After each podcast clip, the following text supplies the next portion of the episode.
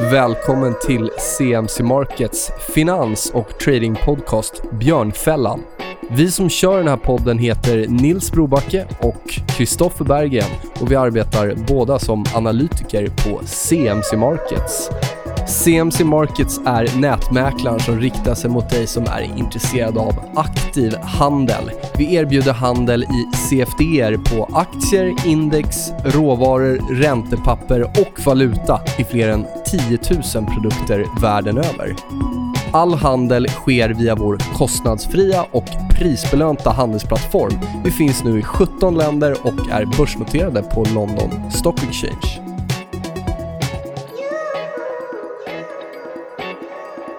Yes, då drar vi igång avsnitt 66 av vår podcast Björnfällan. Och idag har vi våra mesta gäster tillbaka. För fjärde gången är det Andreas Brock och Henrik Milton som förval förvaltar Coeli Global Selektiv. Varmt välkomna. Mycket. Tack så mycket. Roligt att vara här. Vi kommer ju fokusera på, på marknaden och globala marknaden idag. Men vill man veta mer om er och filosofi och så vidare för att hitta bolag etc. så kan man lyssna på det första avsnittet. och Det var avsnitt 23. Sändes i mars 2017. Och Sen har vi eh, avsnitt 27 som var i maj 2017 och sen avsnitt 45 som var i mars 2018. Om man vill gå tillbaka och lyssna där. Men då drar vi igång. Det gör vi.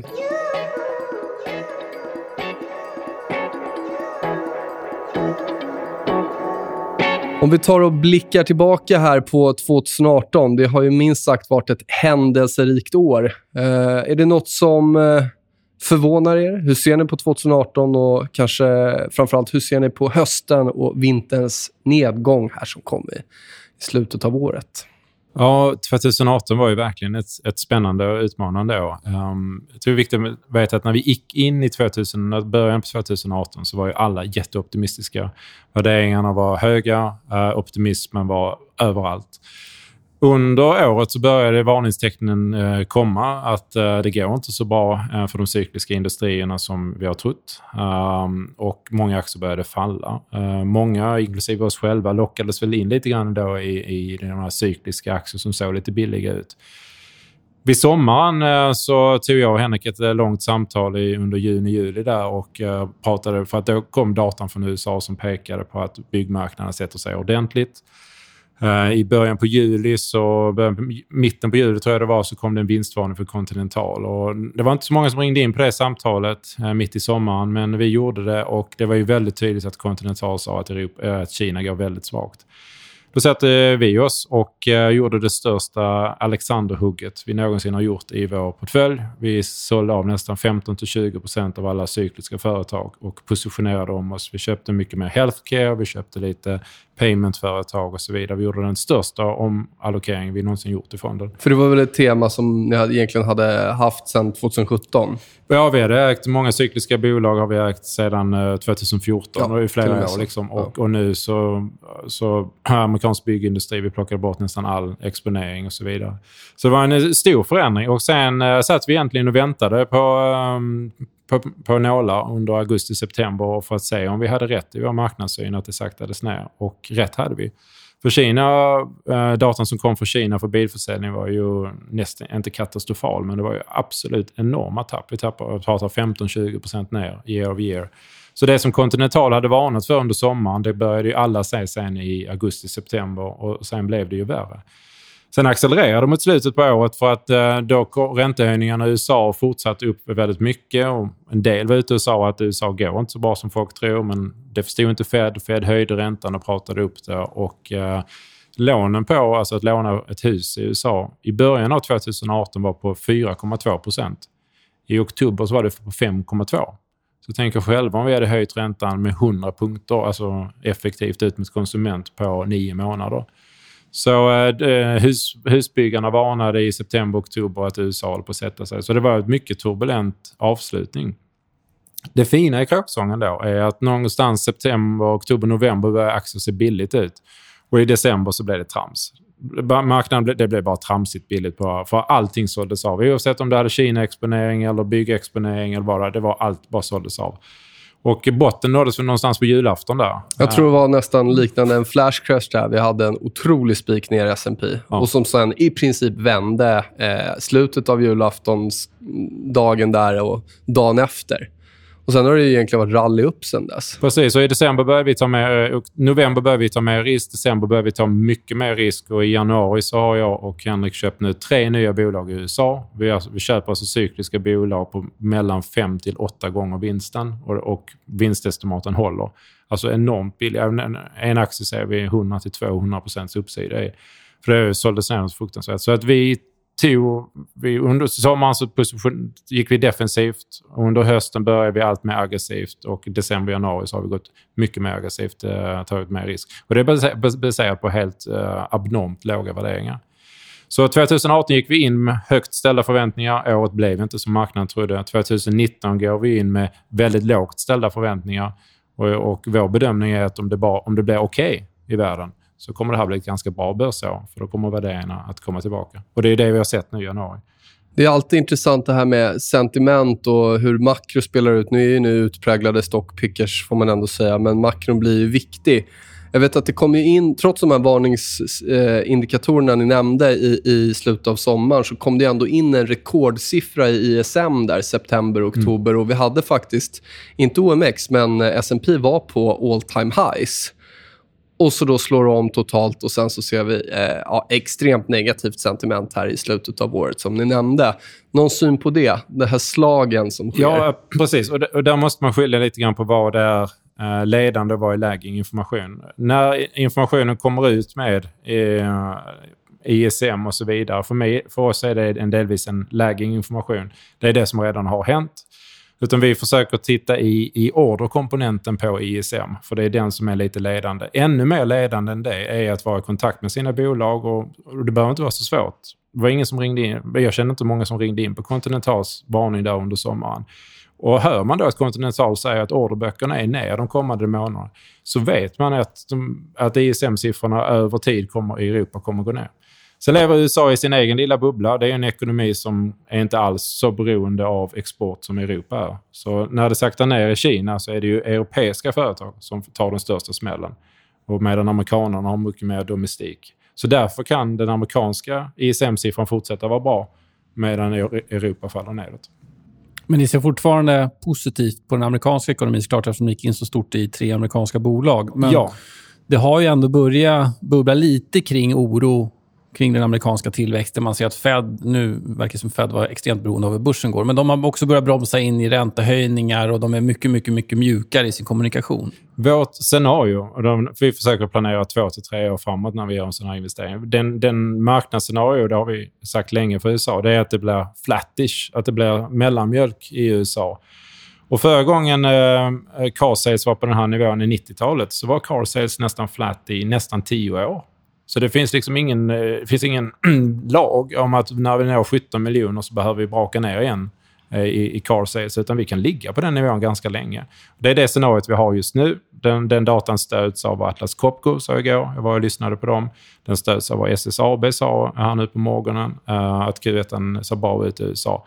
Men sen måste man också vara reaktiv. Börjar vi märka att företagen att något amerikanskt eh, Continental helt plötsligt eh, en liknande vinstvana så måste vi ju agera i fonden. Men just nu ser det positivt ut. Eh, vi kan väl, du hade vi, ett bolag där som ni hade plockat in nyligen. Precis. Ett bolag som vi köpte heter United Rentals. Det är alltså världens största uthyrningsföretag av um, Tänk Ramirent, olika kompressorer och bygg, byggnadsmaskiner. Uh, Eh, vi, vi, vi, var över och träffade dem i november, oktober-november. Eh, vi fick en middag med ekonomichefen. Eh, vi hade ett fantastiskt möte. Men det är också ett bolag som vi har känt i nästan åtta år, som vi har följt och vi har haft re regelbunden kontakt med. När värderingen kommer ner på under sex gånger och företaget säger att allt ser jättebra ut och de ska köpa tillbaka nästan 15 av, av outstanding shares, alltså av aktierna, så känner man att det här det här är helt felvärderat. Så den, den aktien köpte vi för ett par veckor sedan uh, och uh, det har utvecklats mycket positivt. Det är rätt spännande. Ni alltså, och då förstår jag, då har ni inte ägt den här aktien under de här åtta åren, men följt den, eller? Ja, precis. Nej, ja. Så den var på... En, nu blir det aktien, lite annat, men den var på 120 i, i mitten på 2015. Sen under 2016 när oljan kollapsade så nådde den 40-45. Då var den alltså på fyra gånger vinsten. Vilket var helt absurt. Eh, så då köpte vi den runt 40-45 och sålde den bara ett antal månader på när vi var upp 50-60% Sen fortsatte aktien att gå väldigt bra, men nu har vi kommit tillbaka till den här eh, ab abnorma låga värderingen. Och det är faran, faran med när en aktie är så pass billig är att man kanske har fel. Att det är någonting marknaden säger. Men det är där vi känner nu. Vi har lyssnat på tre eller fyra rapporter här nu med amerikanska byggnadsrelaterade företag. Och det sägs som sagt nu också av SSAB och Atlas. Att USA går starkt i Q1. Sen får vi se hur länge det pågår. Men United Rentals är ett fantastiskt företag som vi kunde köpa på en mycket attraktiv värdering. Så det känns skoj. Spännande. Förhoppningsvis mean reverting då. ja, precis. Men du var inne på en intressant sak där. Det här att man kan ju faktiskt ha fel. Vad som är billigt kan bli billigare. Hur, Mycket farligt. När ni tar en sån här position, eh, börjar ni peta lite och sen vill ni se att kanske tillväxten, omsättningen ökar? Eller hur, hur jobbar ni för att undvika att ni fastnar i en value trap med liksom en full position från start? vi tar aldrig en full position sedan start, utan vi, eh, vi går in med en större position som, som känns. Eh, och Sen så ökar vi på den efterhand. Eh, vi vet ju att eh, det är ofta marknadens riskaptit som styr aktiekursens utveckling mer än egentligen hur det går för företaget. Eh, men eh, i det här fallet så har vi liksom köpt en, en bra position och sen så ökar vi på efterhand. Och det jag skulle tillägga då till Andreas resonemang det är att man tittar på marknaden. så, så att eh, Om vi tar de här bolagen med P-tal 4, 5, 6, 7 som är jättebilliga. Du har ju liksom ett element av riskaptit som kanske är de första 20-30 procenten i aktiekursen. Och sen så ska ju det här liksom tillväxtcaset ta vid då. Och, så vidare, va? och då är det inte så säkert att vi är kvar, utan vi, vi hänger med så länge riskaptiten är dålig. Precis, och United Rentals får sig alltså en special situations-aktie. Um, så det är en ganska liten del av vår fond, ungefär 15-20% där vi tar de här lite kortsiktiga positionerna. Ibland är de tre månader, ibland är de ett år, som vi gjorde med Ateliv. Köpte på 960, sålde på 1300. Uh, eh, men för oss är de här special situations det är lite krydda i portföljen. Det mesta av portföljen är, är långsiktiga innehav som 3M och Brembo som vi har ägt i över fyra år och, och, och som vi äger. Men vi jobbar med riskaptiten. När vi märker att riskaptiten är eh, väldigt låg, då är det väldigt skoj att gå contrarian och ta de här uh, väldigt spännande och då, ja, då kan man ju stå på andra sidan och ta emot aktierna när de andra säljer. Och mm. det, då gör man ju de bästa affärerna. Så enkelt är det. När vi hade den här stora sättningen i december och ni valde att gå in i tre nya bolag. Hur var kommunikationen för era investerare? För att man vet ju hur, hur, hur paniken sprider sig så fort börsen börjar gå ner ja, nu gick det ner ganska mycket, men hur, hur såg kommunikationen ut där? Ni väljer att gå in ganska tungt. Hur reagerade investerarna och hur hade de kommunicerat med er under hösten när det var stökigt? Um, de här tre senaste köpte vi i januari, men vi, köpte, vi ökade också i positioner i december då med risk. Så, uh, investerarna, vi märker hur investerarna kommunicerar med oss, antingen de som vi har som direktkunder uh, eller kan vi säga vad det är utflöde och inflöde. Mm. Och likt många andra så hade vi också utflöden under december och det var, jag tyckte det var rätt jobbigt för att jag tänkte på alla de här som säljer på så extremt låga värderingar. Jag tyckte synd om dem. Uh, för att man vet ju att det här kommer att vända. Egentligen borde de göra precis tvärtom. Sen när det gäller våra investerare så har ju de gett oss ett mandat att ta hand om deras pensionspengar över tid. Och det är ju det vi exekverar på, att över tid um, kunna generera hög avkastning. Och då måste man kunna gå mot marknaden och, och plocka upp de här och säga att det här är det här är väldigt billiga aktier. Vi tror att de blir jättebra på ett, ett år. Men de närmaste två veckorna vet jag inte. Men fair enough, nu köper vi. liksom. Uh, och det är ju det vi betalade, har betalt för att göra. Ja, man ska ju ha en lång investering sånt man går in i aktier. Och, uh, som sagt vi följer ju flödena dagvis. Och vi ser liksom, och tyvärr så kan man konstatera det att i november och december så var det väldigt stora utflöden. Det där är väldigt vanligt, både för retail och för institutionella investerare. Exakt. Har vi något tips där till lyssnarna? Hur, hur, liksom, hur ska man göra för att zooma ut i de där lägena? För Det är lätt att säga att ligga kvar och vara disciplinerad, men det kan vara svårt att, att hålla det. Alltså, vi är ju vi är väldigt eh, fasta i våra positioner när det gäller liksom, the champions. Eh, och eh, Om man tittar på de fina företagen som vi äger, och vi vet ju det att eh, där, där pengarna kommer tillbaka först. Det är de företagen som inte är någon spekulation, utan de här fina företagen men bra produkter, starka varumärken, fina affärsmodeller. Det är de som investerarna återvänder till och det är de som, som kom upp först och, och det är de aktierna vi äger då i vår Champions-del. Själv så tycker jag månadssparande är det bästa. Ja, vi, månads, vi har ju allt tillgängligt privat kapital i fonden själva och vi månadssparar båda två i fonden. Jag tycker det är det bästa. Det blir en bra insnittningseffekt. Ja, och, och, det, och det, då tickar det på. Men och vi pratade tidigare om Charlie Munger, då, som mm. nu bör, Warren Buffetts uh, sidekick som börjar bli till åren.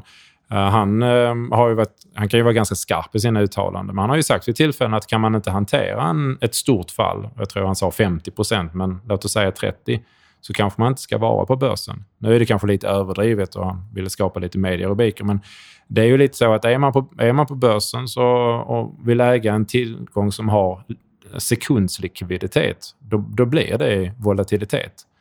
Vill du ha likviditet, ja då måste du stå ut med volatilitet. Och vill du inte, behöver du inte likviditet om du vill äga ett hus, ja då, då är det väldigt låg volatilitet. Men eh, det är liksom en, en bieffekt av att vara på börsen över tid så är det vinst, företagens vinster som spelar roll. Och Det är det vi fokuserar på. Men gör ni någonting extra vad gäller portföljen och så vidare? Nu, det som hände i december under hösten det var inget extrem-event på det sättet, eh, alltså storleken på nedgången.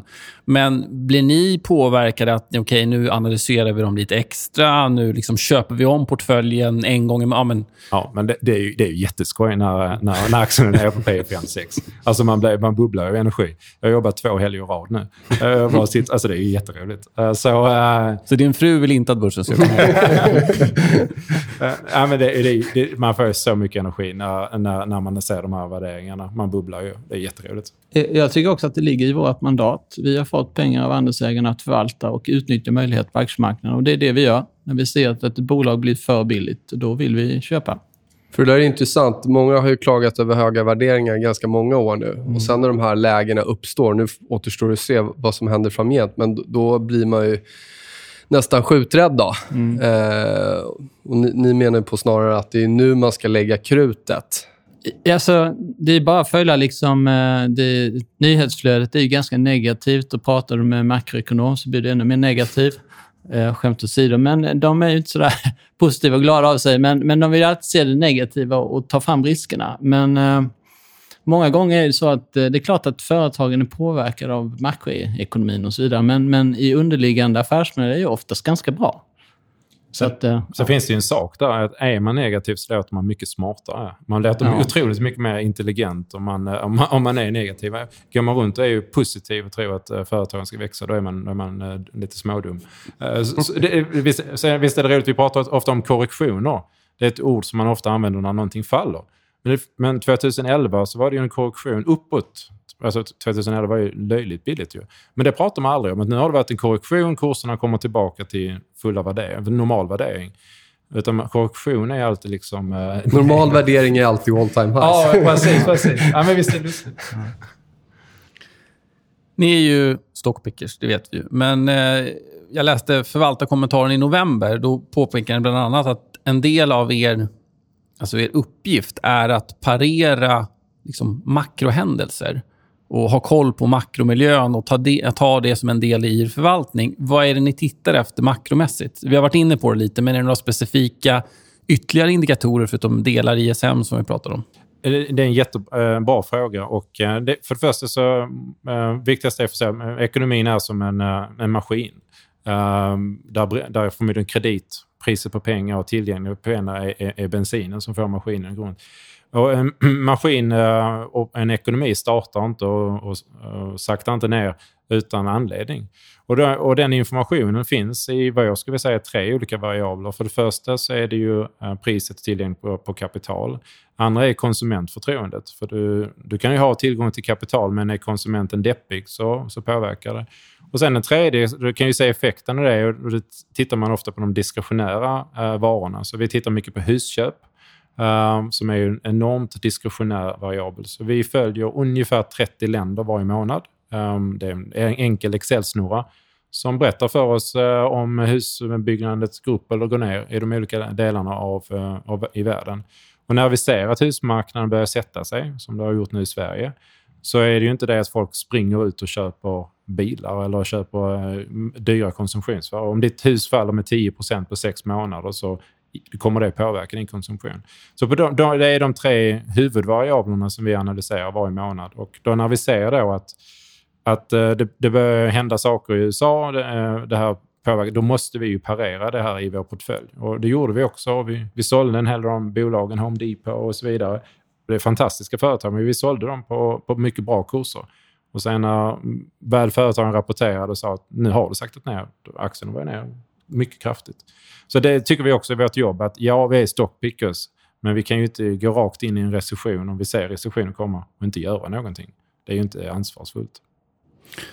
Jag tänkte på, vi pratade tidigare om, om det här med att våga gå in när det går ner. Arbetar ni någonting med eh, cash i, i fonden eller är ni investerade till 100% så gott det går, så att säga? Eh, Vår fond är ju fullinvesterad, mm. så att vi använder inte kassa som en tillgångsallokering. Så ni måste sälja av någonting för att köpa någonting ja. annat, kan man säga? Vi har ju ett, eh, olika vinsttrend i vår fond eh, som, som får aktiekurserna att växa. Eh, och, eh, vissa av de här är ju väldigt eh, vad ska man säga, ocykliska och säkra. Så vi har ju kosmetika, vi har tyska fastigheter de kan vi använda lite som en cashposition för att jobba med och, och ta ökad risk med. Men har du valt aktier så exekverar vi på det mandatet. Vi är aktier. Mm. Uh, och uh, ja, så enkelt är det. Mm. Ni uh, gjorde ju av med Tencent här för några månader sedan. det, det berodde väl inte riktigt på att ni hade någon, vad ska jag säga, ja, dålig vy av själva bolaget, utan det var lite politiskt som gjorde att ni var tvungna att sälja av, eller ville sälja av? Ja, det stämmer. Tyvärr var det så här att eh, kinesiska staten började blanda in sig för mycket i det här. De hade bland annat synpunkt på hur mycket kinesiska ungdomar och barn spelar. Eh, och Sen så var det också, som jag tror, ett, ett maktutövande. Då. Att man gick in och, och bestämde för Tencents mest populära spel och sa att ni får, inte, ni får inte ta ut betalt för de här, för vi har godkänt de här. Och Då är det var det tidigare då två instanser som skulle godkänna de här spelen innan man fick ta, börja ta betalt igen. Och Det var ju framförallt det som påverkade höstens rapport för Tencent. Eh, och Det var ju en, katastrof för dem. Och sedan då när de kom med nästkommande kvartalsrapport så kunde man faktiskt se att det fanns en slide i presentationen som jag skulle vilja säga kom direkt från kommunistpartiet Kina. Där det stod då hur mycket man fick spela varje dag och så vidare. Så, här. så att, eh, och när det blir så, då är det ett företag som vi inte vill äga. För att våra företag ska kunna leva och växa på egna meriter. Det ska vara vdn och det ska vara alla duktiga medarbetare som bestämmer om det här ska bli bra eller inte. Det får inte vara någon politisk påverkan. Det blir inte bra. Hur ser ni på eh, gamingsektorn generellt? Då? För Jag vet att ni har haft NetEase förut. Jag vet inte om ni har kvar den investeringen? Det stämmer bra. Vi har inte kvar den. Vi har tittat på alla de företagen. Electronic Arts, Blizzard, Ubisoft och så vidare. Fantastiskt spännande långsiktiga trender. Eh, vi har inte NetEase kvar. Jag tror att om man ska gå in i spelbranschen så måste man antingen ett, veta exakt väldigt mycket vilka alla de, hur de här titlarna kommer ut, utvecklas. Eller två så köper man dem som en portfölj. Man, man, man tar en position i alla fyra liksom, och sen så rider man den här långsiktiga trenden. Vi har valt att, uh, att inte fortsätta uh, den trenden. Uh, vi utvärderar och kommer tillbaka. Vi, vi tycker det, varit, det var väldigt höga värderingar i början på början, mitten på 2018. Nu har de kommit ner lite grann, men vi har så mycket annat som vi kan köpa som är så mycket billigare. Så att, just nu är vi inte där. Vi kanske kommer tillbaka. Mm. Problemet är lite grann att man, man, man ganska snabbt kan komma ut med en ny titel som kan ta marknadsandelar från de befintliga spelen och då blir det ju liksom... Det blir svårt att uh, titta på en ihållande lönsamhet eller att, uh, återkommande vinster. Mm. För att det är en ny titel som kommer som tar över allting. Och barn och ungdomar är väldigt snabba idag och liksom suga upp allting. Nämns det på YouTube och sen så flyr alla dit och testar det här. Och det är att bara lyfta diskussionen ännu högre, ska vi säga att eh, en investeringsstrategi som vi eh, liksom, eh, tycker är spännande, det är vad, vad, vad köper millennials? Vad köper de unga barnen och ungdomarna idag? Och det de använder, det de eh, för, förbrukar är förmodligen de typ av företag du ska göra. De går inte runt med massor med cash, utan de pratar med, betalar med Paypal och kreditkort. Det har vi våra betalningsföretag. De har mobiltelefoner, de spelar. Man kan titta på ett företag som Harley Davidson, eh, fantastiska motorcyklar. Det går inte bra för dem för att de unga vill inte köra. De tycker inte det är häftigt att köra runt med en, en tung motorcykel. Så är det. Um, det ska vara en elskoter istället. Ja, precis. Ja, kickbike, Monvoy eller något. Vad millennials köper, det är, faktiskt, det är bra ställe att, att leta efter aktier. Mm.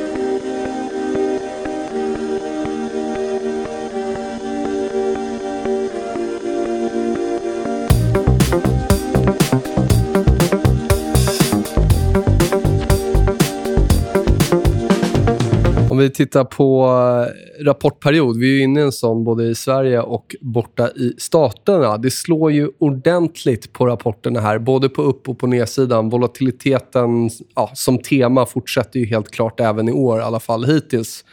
Eh, hur ser ni på det och hur upplever ni aktieklimatet eh, mot, om vi till exempel backar här till ett år tillbaka? Ja, eh, jag har jobbat som säljsidig analytiker på Nordea. Då. Det är ju väldigt häftigt med de här när man köper, höjer och sänker sina rekommendationer. Eh, jag, jag minns om jag höjde min kurs på Volvo så kunde lilla jag flytta Volvo nästa morgon. Det var, ju helt, helt, var jättehäftigt. Eh, över tid eh, så är det irrelevant med de här köp och säljrekommendationerna för det är vinsterna som spelar roll. Um, men du hade, och du hade också en poäng där med den här ökade volatiliteten. Och det är någonting som vi, vi ser. Vi, vi tycker att vi ser mer av. Svårt att mäta, men vi tycker att vi ser mer uh, handel när en aktie kommer in i en fallande trend. Att de här maskinerna kickar in, algoritmerna kickar in och bara spär på den här trenden. Man kan nästan liksom rita på skärmen hur den här aktien kommer att fortsätta de närmsta timmarna för den är inne i en nedåtgående trend. Uh, och, och, det kan man använda och gå alltså tvärt mitt emot. Men däremot kan det vara på just den dagen så kan det vara jättejobbigt ifall man äger den aktien. Men då måste man bara ha is i magen och, och gå, gå, gå rakt emot den här trenden. Algohandeln går ju helt okänsligt. Den går ju, ja. går ju kortare på, på nya lägsta och, och högre på nya högsta. Då. Och det är ju både på väldigt kort sikt högfrekvenshandel, men även på, på längre sikt. Om vi pratar trendföljande CTA som har säkerligen bidragit till de stora eh, rörelserna i index. Eh, hur ser ni på det här med likviditeten? Har den förändrats och framförallt har den försämrats? Det är något som vi har pratat en hel del om med tidigare poddgäster här eh, senaste tiden. Och kanske en vanlig dag är likviditeten bra, men just i de här situationerna när det smäller på så här mycket. Vår, vår uppfattning är egentligen att likviditeten är ganska bra. Vi har inte haft några problem med att handla våra aktier, men det är ju som du säger, alltså att de går ner väldigt mycket och så går de upp väldigt mycket. Och det, ju, det kan ju vara lite jobbigt stundtals om man sitter på fel sida. Mm. Men inga stora problem som ni har sett i det? Nej, och sen så har vi också en, en restriktion när det gäller företag vi köper. Det måste vara minst en, en, eh, en mängd likviditet för att vi ska kunna gå in och gå ut på, det, på den tiden som vi vill. Mm. Är det någonting specifikt ni är ute efter i den här rapportperioden, både i Sverige och även USA och andra länder där ni har stora investeringar? Nu, Caterpillar kom ut igår, Nvidia kom ut igår och man börjar skylla på att ja, efterfrågan från Kina börjar mattas av. Eh, Nej, men, ja, Eh, väldigt, det är en väldigt intressant rapportperiod. Det är därför vi jobbar ganska mycket de här, de här veckorna. Det, det, är väldigt spännande för att vi har vetat att Kina har saktat in sedan, ska vi säga, signalerna. Första signalen kom i augusti. September, oktober så var det väldigt tydligt och eh, här nu de senaste månaderna så har det bara accelererat med till och med Apples vinstvarning. Så vi vet att eh, för alla inköp över 1000 dollar så har kineserna dragit ner på sin konsumtion. Nu vet vi också att det har kommit en, ehm, ett svar från Kinas regering och att centralbankerna att de matar in likviditet i systemet. Det vet vi om. Uh, det är rätt så stora siffror, uh, men vi vet inte om det kommer att bita eller inte. Uh, just nu finns det inga tecken på att det har bitit och att det blir bättre i Kina. Och vi hoppas att det här handelskriget löser sig och att det får en positiv effekt. Men det blir, jag säger, det blir väldigt spännande de närmsta tre månaderna att se om de här om, om verkligen Kina vänder uppåt. Om det inte vänder uppåt, då kommer europeiska industriföretag ha ganska stora problem. Uh, och vi har, uh, vi har fortsatt faktiskt till och med igår, nu tog vi ner marginellt vår exponering för att vi är osäkra på det. Däremot så lever USA i sin egen lilla bubbla, om man säger så. Så där har vi då tagit den här lite mer cykliska exponeringen. Men Kina är ett, eh, det är ett stort frågetecken. Um, kommer de att uh, få fart på maskineriet igen? Uh, det, ja, väldigt spännande närmsta månaderna. Men kollar ni på man ska säga, bolagens kommunikation om den kinesiska marknaden eller är det data från Kina som ni håller koll på? Vi har koll på data också. Vi uh, tittar just nu faktiskt på månadsdata från flygbolag i Kina. Deras, uh, hur den kinesiska konsumenten flyger utomlands. Så det, jag tror det är tre, tre flygbolag som vi sitter och kollar månadsdata på för att få ännu närmare känsla för, för rapportering. För kvartalsrapporten kommer bara vara, från företagen kommer bara vara i kvartal. Och kinesiska BNP-statistiken är svår att lita på. Mm. Men däremot hur mycket de flyger, det, det kan vi se uh, tecken på. Följdfråga där. Jag vet att det har varit ett tema har varit tidigare i alla fall. Hongkong, Taiwan och, och Asia Tech. Hur ser det ut där? Alltså det, man kan säga så att den här industrin, och vi har ju framförallt varit investerade i smartphone-tillverkarna och då underleverantörerna. Och eh, tyvärr är det så att eh, när det gäller då smartphones så kommer ju volymtillväxten att kanske gå ner. Eh, Apple är ju det bästa exemplet då som har det riktigt tufft i Kina. Men även de kinesiska smartphone-tillverkarna har det dåligt. Och, eh, vi var i Hongkong, vi var i eh, Taiwan i höstas här och eh, vi hade lite förhoppningar, vi pratade med analytiker och så vidare. De trodde ju att volymerna faktiskt skulle komma upp lite grann, men det visade sig att det är motsatsen. Så att nu, eh, vi äger ingenting i Hongkong längre. Vi har sålt det innehavet vi hade och vi har gjort en, en, kan man säga, en bredare special sits mot eh, semiconductors. Om vi hoppar över till USA då. Eh, jag vet att ni var i Las Vegas för ett tag sedan betalningskonferens. Ja, Berätta, vad, ja, vad tar ni med er därifrån? Jättegärna. Det är en fantastisk konferens på ett av de här stora hotellen i, eh, i Las Vegas. Eh, jag kan bara berätta som att gå från hotellrummet eh, till det här utställningshallen, det tar ungefär 20 minuter under tak. Det är, det är väldigt stora hotell. De är ju stora som hela Stockholms innerstad nästan. Nej, jag överdriver lite. Men de är stora. Men skälet till att vara med på en sån konferens det är att vi vill se alla de här coola grejerna som händer framåt. Vad är det Mastercard håller på med? Vad är det Wirecard gör? Global Payment, WorldPay och så vidare. Eh, för att den här kvartalsrapporteringen den är historisk. Det här är en konferens som är framåtblickande.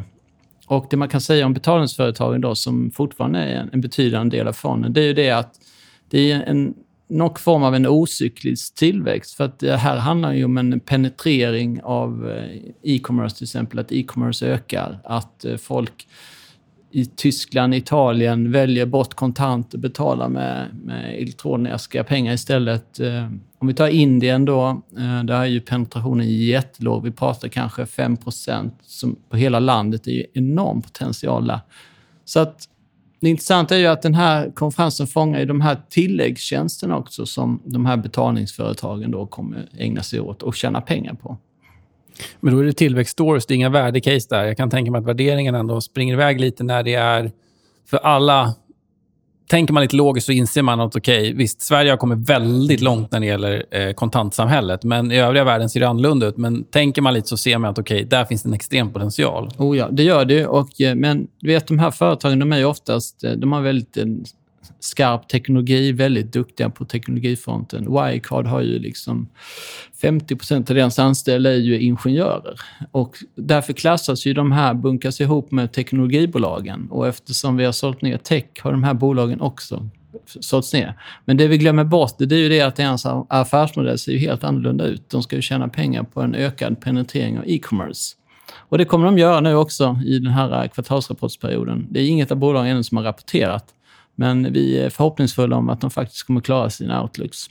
Ja, en ganska stor del av fonden är ändå, jag tror att det är 15 procent ungefär som är mm. betalningslösningsbolag. Stämmer. Ser de hyfsat likadana ut, bolagen, eller vad, vad skiljer de åt? Man kan väl säga så här att eh, det största bolaget om det är Mastercard. Och Mastercard äger då ett, de har ett eget eh, Rails, brukar man kallas då, eh, ett nätverk eh, där man då sköter betalningarna. Och Sen så är det så att de bankerna då som ger ut kort i Mastercards namn. De eh, använder ju Mastercards nätverk för att sköta betalningar.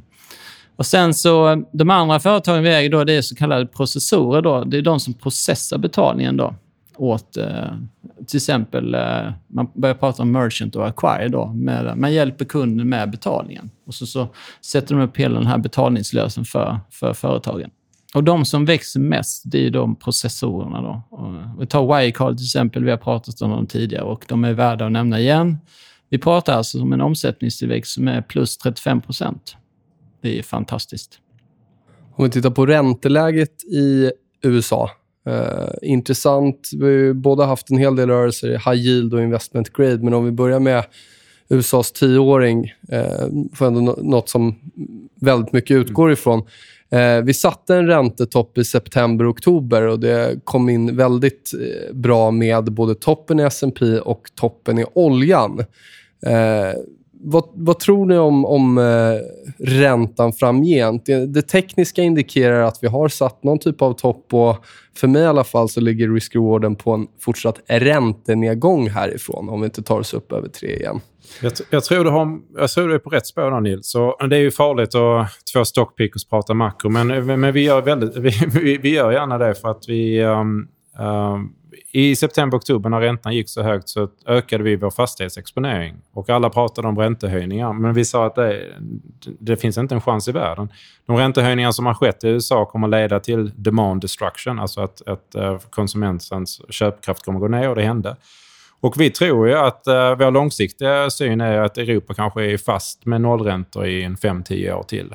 Um, när Kina saktar ner så saktar Europa ner och det hände ju. Uh, och nu och, och tio år ungefär. Så vi köpte alltså mer fastigheter när räntan var på väg upp. Uh, nu är tyska tioåringen nere på 0,2 sist jag tittade. Uh, och eh, nu börjar folk prata om räntesänkningar. Och det låter contrarian, men jag tror du är på helt rätt spår. Att det är förmodligen räntesänkningar som Eh, är, är mer på tapeten här framåt. Det betyder ju att Europa kan inte göra någonting. Uh, vi är ett, kanske i ett Japan-liknande scenario de närmaste 5-10 åren. Det är inget fel på det. Det betyder inte att det ska bli depression här. Ja, japanerna är jättelyckliga. Eh, det är, uh, det betyder, men, men det betyder ju att, att ekonomin står stilla ganska mycket. Och där, I ett sånt klimat kan ju fastighets, fastigheter gå ganska bra. Den andra saken är ju då att den enda ekonomin i världen som har potential, då, stor ekonomi, att sänka, det är USA. Uh, och de, de, de, kan ju lätt sänka igen en 100 punkter och få fart på ekonomin, få fart på bostadsbyggandet och öka. De behöver mer arbetskraft i USA. Det är en, en återgående tema och det är lite grann det som begränsar USAs ekonomi just nu. Att de behöver få in mer arbetskraft för att hålla ner lönerna och, och kunna fortsätta eh, växa. Men äh, räntan pikade kanske i september, oktober och efter, därefter så är vi i, i en avmattning. Och till och med kanske, som du sa Nils, en, en räntesänkning framåt. Det är bara att kolla på Fed. nu var ju det här en förmodligen planterad artikel som kom ut i fredags. Då. Det får vi se imorgon när de har sin presskonferens. Men nu ska ju de... De har hållit på ett år med sina ja, minskningen av balansräkningen, men nu ska man dra ner på den minskningstakten. Och Då har det bara gått ett år. Man, kanske, man har skrapat lite på ytan av balansräkningen, men redan nu ser man att okay, likviditeten försämras ganska kraftigt. Det blir räntetryck och redan nu börjar man peta. Man har ju då, eller, eh, eh, Powell har ju varit ute och sagt liksom att nej, men det blir kanske inte något mer under 2019 och sen så nu börjar man minska på QT. Så det är en ganska tydlig trend att de är ju väldigt rädda för räntan. Eh, men om vi nu har ett Japan-scenario i Europa, ska man då dra ner förväntningarna på eh, den potentiella aktieavkastningen som man kan då blicka framåt 5-10 år? Aktier över tid har ungefär nästan alltid samma värdering. PE-multiplen över tid är nästan eh, konstant. Sen har vi bubblor 2001 och vi har 2011 som jag också kallar en bubbla för det var alldeles för lågt. Men över tid så är, är avkastningen ganska konstant. Så den, om, om, kan du hantera volatiliteten så ska du få en 6-7 på börsen över tid. Då. Uh, och, och, det är ju förmodligen det du kommer att fortsätta att få. Um, så att, och, och av de 6-7 procenten så är ju upp till hälften av det bara eh, direkt, utdelningar. Och de fortsätter att komma. Så jag tror att börsen fortsätter att vara ett attraktivt ställe uh, att vara placerad på. Vissa företag kommer att gå fantastiskt. Uh, men däremot den uppgång vi ser från 2011 till 2018 den kommer vi nog inte se igen. För att vi kommer inte få, samma multipel expansion. Tittar vi på Tyskland så, vi nämnde det kort där, men jag vet att ni var det i tyska fastighetsbolag som ni Precis. ökade här. Precis. Hur ser ni på den tyska fastighetsmarknaden? Så vi har ägt tyska fastighetsföretag sedan 2014. Då. Första gången vi besökte Berlin så visade de en lägenhet för oss. Eh, och den lägenheten kostade 4 500 kronor i månaden att hyra. Så den var på 65 kvadrat med balkong och fint läge i Berlin och kostade 4 500. Och de som visade den till mig tittade på mig och sa Andreas, det här är jättedyrt. Och jag tittade tillbaka och sa, vad pratar ni om? För eh, I höstas så var jag i Berlin igen med samma person. Och eh, de visade en, en, en liknande lägenhet. Nu var det på fjärde, femte våningen och eh, nu sa de, Andreas, den här kostar 7 till 8 000 kronor i månaden att hyra. Och så tittade de på, dem, på mig och så sa de, är det inte billigt? Och där ser du liksom sentimentsförändringen som har hänt då. Att, att nu, nu är du inne i en bostadshås i Tyskland. Det är väldigt mycket kapital som flyger ner där. Det var en dansk pensionskassa som köpte bestånd, jag tror det var på en miljard euro, som var på dubbla värderingen av det som du kan handla på börsen. Så det är, just nu är vi inne i en, eh, en hås. Det kanske kommer att bli en bubbla om ett par, tre år. Vi har ridit här nu i över fyra år. Kanske två år till för oss och sen hoppar vi av. Men eh, att kunna köpa tyska fastigheter som är på Deutsche Wohnen kanske säger 20 000, 22 000 kronor kvadratmetern. Det är vad det kostar i Kristianstad. Uh, så du kan välja att bo i Kristianstad eller så kan du bo i, i Berlin. Och det är inget fel på att bo på Kristianstad. det är men, ungefär samma. Same, same. ja, men det är alldeles... För att, för att, bli en, för att vara en världsstad, och det blir ju en ökande världsstad nu efter Brexit, så Berlin blir bara hetare och hetare. Uh, så är ju 20 000 kronor kvadratmetern alldeles för lågt. Mm. Jag vet, det finns en dokumentär med, om Roger Akelius. Precis. Uh, de hade investerat väldigt mycket i bland annat Berlin. Då. Jag, tittat, jag var iväg och tittade på de lägena, inte med Roger Akelius, men jag åkte förbi och jag, jag tittade på de här. Det såg jättebra ut. Mm. Uh, men de hyrorna är inte 7000 längre. Han trycker ju upp hyrorna lite, ja, men de har ju gjort väldigt stora investeringar. De har gjort stora investeringar i hyrorna på väg upp. Vi har nu under senaste perioden då börjat skifta ut lite grann från Berlin och vi har gått till områden som är till exempel utanför Hamburg. Och de fastigheter, de lägenheter vi kan köpa nu ligger på 8 000 kronor kvadratmetern, 8-9 000 kronor kvadratmetern. Och jag tror för alla lyssnare som måste ni instämma att det låter väldigt billigt. Men vad är det som gör då att de så att säga har legat efter? För att det är inte som att tysk ekonomi har gått jättedåligt. Vad är det som gör att det inte har tagit fart tidigare som det har gjort i andra delar av Europa? Tre faktorer skulle jag säga. För det första så hade vi en, ett överutbud eh, på den tyska fastighetsmarknaden under, under lång period efter de slogs tillsammans. Då. Den här eh, andra faktorn, då, det, här, eh, eh, det är faktiskt ganska roligt, det här överutbudet ledde sen till att äh, tyska byggsektorn gick ner väldigt kraftigt. Och de var väldigt olönsamma och många tyska ehm, byggbolag gick under. Och det var så många byggbolag som gick under eh, på kontrakten att när ECB skulle bygga sin eh, huvudbyggnad i Frankfurt, eh, det har jag hört från de tyska byggbolagen, så när de la ut det erbjudandet om att bygga den här, så fanns det inte ett enda tyskt eh, byggbolag som lämnade in en offert. För det fanns inte ett enda tyskt byggbolag som var så pass stort vid det tillfället att de vågade ta den risken. Så äh, det har lett till alltså att det har varit en brist på utbudet. Så att när då efterfrågan kommer tillbaka och det finns inga byggbolag som har kunnat bygga äh, så blir det en, en utbud och efterfrågesituation. Den största byggaren i Berlin idag är NCC. Uh, Bonava, alltså gamla, det heter fortfarande NCC, det var, det var vad det stod i alla fall i Berlin. Det heter ju Bonava nu på börsen, men det är den största byggaren i Berlin. Och de har mycket gott rykte. Så Sverige, svenska, vi, vi, vi är stora i Berlin. Så nu kommer ju utbudet. Och det vi letar efter är ju när blir utbudet så stort så att efterfrågan äh, mättas. Och där är vi nog inte än idag. Om vi blickar till en annan sektor i Tyskland eh, som kanske skulle behöva ett, ett liknande stålblad. Tyska banker. Jag vet att ni, uttalat, ni har inte varit så superpositiva till tyska banker om vi blickar tillbaka till de tidigare avsnitten. Har ni någon syn där? Vad gör man med Deutsche? Är det, är det merga med Commerce eller är det någon annan fransk eller schweizisk bank som man måste ta hjälp av? För någonting måste ju hända med Deutsche, menar många på. Vi har ju inga investera i tyska banker och vi kommer nog inte ha det heller Nej. för att de är för dåliga. Eh, marknaden är ju väldigt okonsoliderad. Det finns för många banker och sen har ju eh, Deutsche Bank gjort en del saker över tiden här som man inte blir så imponerad över. Eh, den enda banken vi äger i Europa det är BCP i Portugal. Och det är en fantastisk bank som faktiskt växer. De köpte senast en Ehm, ökar upp i en bank i Polen. Ehm, och de ägs ju till stor del av en kinesisk ägare. Va? Så att man ser skillnaden här. Va? Vi i Europa vi är ganska pessimistiska över den bankmarknaden, vi vill inte växa, vi har inga förvärv. Tittar man på hur Nordea har agerat så har de ju kopplat bort allting som kan ge tillväxt medan kineserna tänker precis tvärtom. Vad kan vi göra för att växa? Men eh, förmodligen skulle väl Deutsche Bank behöva lägga ner sin investmentbankdel så tar de bort. För att om man tittar på resultaträkningen så ger de ungefär lika mycket intäkt som de kostar. Så att då har de kvar en, en, en lånedel som är ganska schysst faktiskt med, med bra krediter och, och bra ränteintäkter. Och en av de stora utmaningarna för tyska bankerna, Henrik du får korrigera mig ifall jag har fel, men jag tror att det finns ungefär tusen, eh, tusen banker i Tyskland.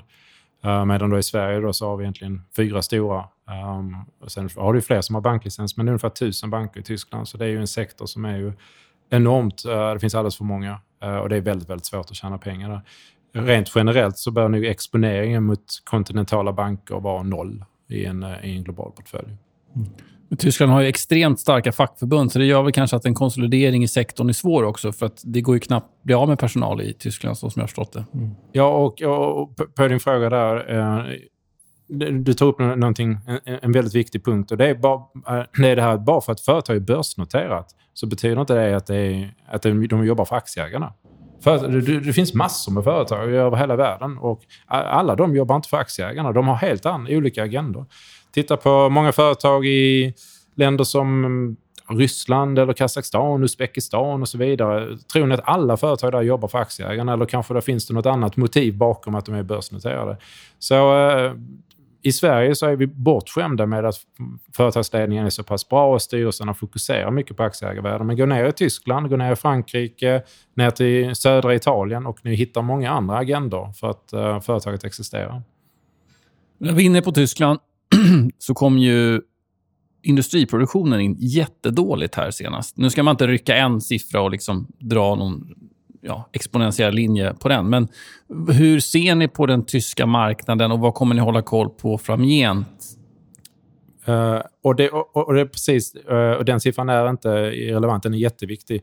För Tyskland är så tungt i industrin. Och den siffran är ju länkad till två saker. Dels så faller konsumentförtroendet i stora delar av Europa och bil, bilförsäljningen går förmodligen ned.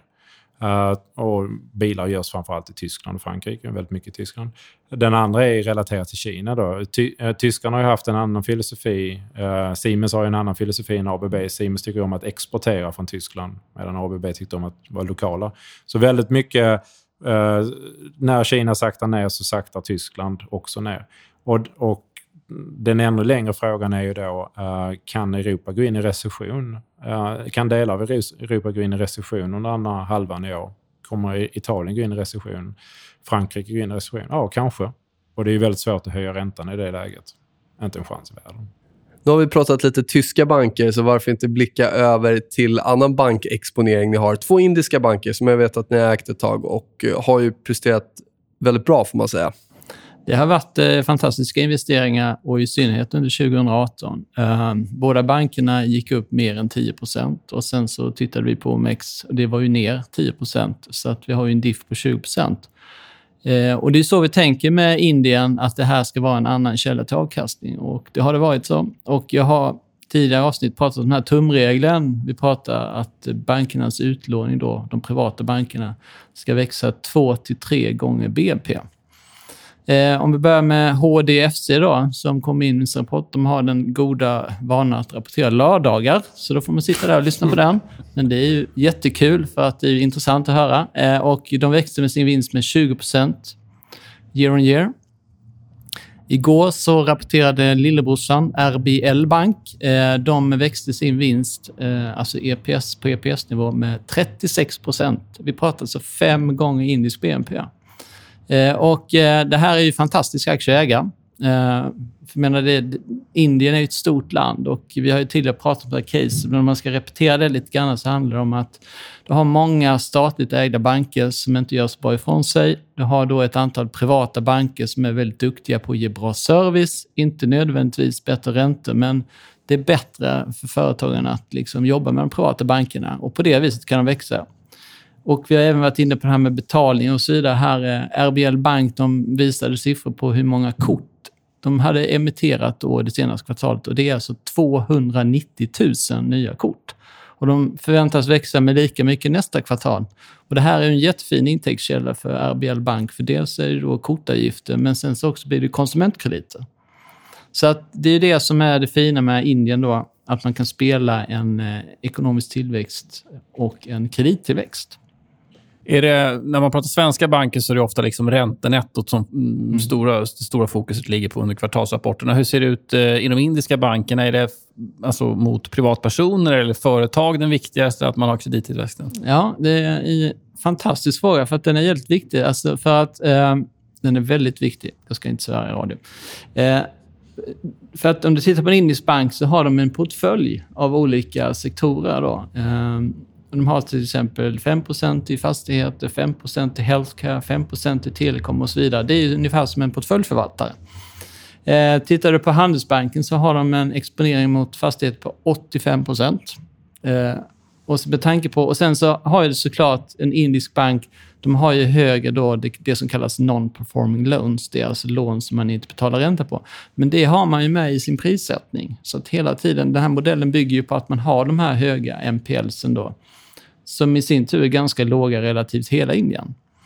Så att, eh, men ett typiskt räntonetto för HDFC eh, RBL Bank det är ungefär 4 en, en svensk bank ligger ungefär på 1,5% Så det är eh, fantastiskt. Bra tillväxt, bra räntenetto. De här non-performing loans, har ni kikat någonting för, på liksom hur det rör sig i relation till hur medelklassen växer i Indien? För det är ju en klass, om vi ska prata klasser, som växer ganska kraftigt. Ja. Jag kan tänka mig att ju, ju bättre ställt man får, desto lägre blir ju NPL ratiot. Det är en komplicerad utveckling ja, kanske. Ja, ja, men det är sant. Alltså, det ser man ju på RBL Bank, så deras non-performing loans de går ju ner. Det som har varit problemet i Indien det är jordbrukssektorn, där de bönderna inte har betalat på sina lån. Men det är ju ett generellt problem i hela landet. Men det är också en politisk lösning på det problemet. Men, eh, men generellt sett så har vi väl 1,3 miljarder människor i Indien. 130 miljoner är det vi kan kalla liksom en riktiga konsumenter, medelklass. Och sen så alla där under då försöker komma upp till och få en, en, en dräglig levnadsstandard. Podden börjar gå mot sitt slut här, men vi vill hinna med att prata lite USA och framförallt byggsektorn som jag vet att ni tittar en hel del på. Ja, eh, den amerikanska byggsektorn är, är rolig och um, väldigt viktig. Så det är ungefär 8-9% av BNP. Uh, eh, det är en stor del av BNP. Det är också en väldigt cyklisk sektor som byggindustrin är. Um, problemet den sektorn har haft just nu är kapacitet. Det finns inte tillräckligt många människor att, um, att kunna bygga efterfrågan. Eh, jag prat, lyssnade in på ett eh, byggföretag som levererade sten och de sa de körde och lämnade stenen, dumpade stenen på byggarbetsplatsen. Det fanns inte ens någon människa som, som fanns där och kunde ta emot den. Så de har haft eh, enorm brist på folk. Och jag kan ge ett exempel då. En elektriker i New York eh, som inte är fackligt ansluten ligger på 100 000 dollar i årslön. En fackligt ansluten elektriker ligger på 200 000 dollar. Så han har alltså ungefär 2 miljoner i årslön. Så när du då har lönehöjningar i, i New York, senaste siffran jag såg var 5% Så det vill säga hans lön ökar med 100 000 äh, äh, per år. Då, då förstår, man, förstår man ju varför Skanska får vinstvarna. För att de sitter med massa fasta massa kontrakt och så vidare. Så amerikanska byggindustrin har kapacitetsproblem. Äh, så en, den lilla sättning som vi har sett nu under de senaste två månaderna då, Uh, har, har bolagen sagt att den är positiv. För äntligen så kanske det kan bli lite arbetskraft eh, som eh, eh, kan komma. Och den ännu större frågan är, den här, när den här ekonomin saktar ner, är det byggsektorn som kommer ta den största hit, smällen? För det var det ju det som ledde till problemen 2007. Och då kan vi säga att den här gången så är det i alla fall inte byggsektorn som kommer vara bidragande till en ekonomisk nedgång. Och om det blir en ekonomisk nedgång så är kanske fallet 10-15 procent i byggstarter och inte 70-80 som vi sa förra gången, utan blir mycket mer modesta. Det är faktiskt så att vi har ju en författare ibland oss här. Eh, och du har släppt en bok tidigare på engelska, men nu har den kommit ut på svenska. Och Vad heter boken? Jag antar att det har med aktier och aktiemarknaden att göra. Eh, men du kan väl berätta lite mer om den? Ja, tack så mycket. Eh, såklart, det har med aktier att göra. Så, eh, boken eh, kom nu på svenska, heter Vägen till vinnande aktier och finns på Adlibris och Bokus och så vidare. Ehm, jag, försökte, jag vill gärna skriva en bok som sammanfattade investeringsfilosofin eh, som vi använder i fonden. Uh, och framförallt var den mycket mer casebaserad. Jag tycker mycket skrivs som handlar om hur man ska tjäna pengar, men hur tänker man verkligen när det gäller aktier? Så i boken går jag igenom olika industrier. Jag tittar på byggsektorn. Hur tjänar man pengar på bygg, byggföretagen? Jag tittar på verkstadsindustrin. Varför är Atlas, uh, varför var Atlas ett köp och SKF var inte ett köp? Uh, jag tittar också på banker. Varför ska man äga banker i utvecklingsländerna? Uh, varför är de bättre företag, bättre affärsmodeller än banker i, i västvärlden? Så det är massor med olika case-studier. Boken är tänkt att den ska vara lättläst och att man ska kunna komma igenom den på en två timmar. Man hoppar på flyget ner till Spanien och när man landar ska man vara klar med boken. Um, och börja investera. ja, precis. Och den, den lite, försöker vara lite provocerande uh, och uh, försöker till exempel då visa då att, att banker i utvecklingsländer är bättre investeringar än, än banker i västvärlden. Vilket kanske är precis tvärtom. Att jag känner att det är riskfyllt. Och vi, jag försöker visa att nej, riskfyllt är att investera i västerländska banker. Och vi har en exklusiv utlottning där till våra Björnfällan-lyssnare. Ja, ja. Uh, alla som mejlar info at coeli.se och skickar sin adress. Uh, de alla? alla uh, 10-20 första som skickar mejl till den adressen med, med sitt namn. Då, då, skickar jag boken till. Fantastiskt. Ja, det har varit jätteskoj. Ja. Som tack för, för, till er lyssnare. Och vi vill eh, tacka er återigen, Andreas och Henrik. Otroligt kul att ha er här. Det är alltid uppskattat. Och eh, ja, Det lär väl bli någon tillgång, tror jag, säkert. När det kommer, kommer nya case och nya marknader att prata ja, om. Vi är på väg till en teknologikonferens i San Francisco om några veckor. och eh, Vi återkommer gärna och berättar lite mer om det sen. Tack så hemskt mycket. Härligt. Tack, tack. tack. Ha det.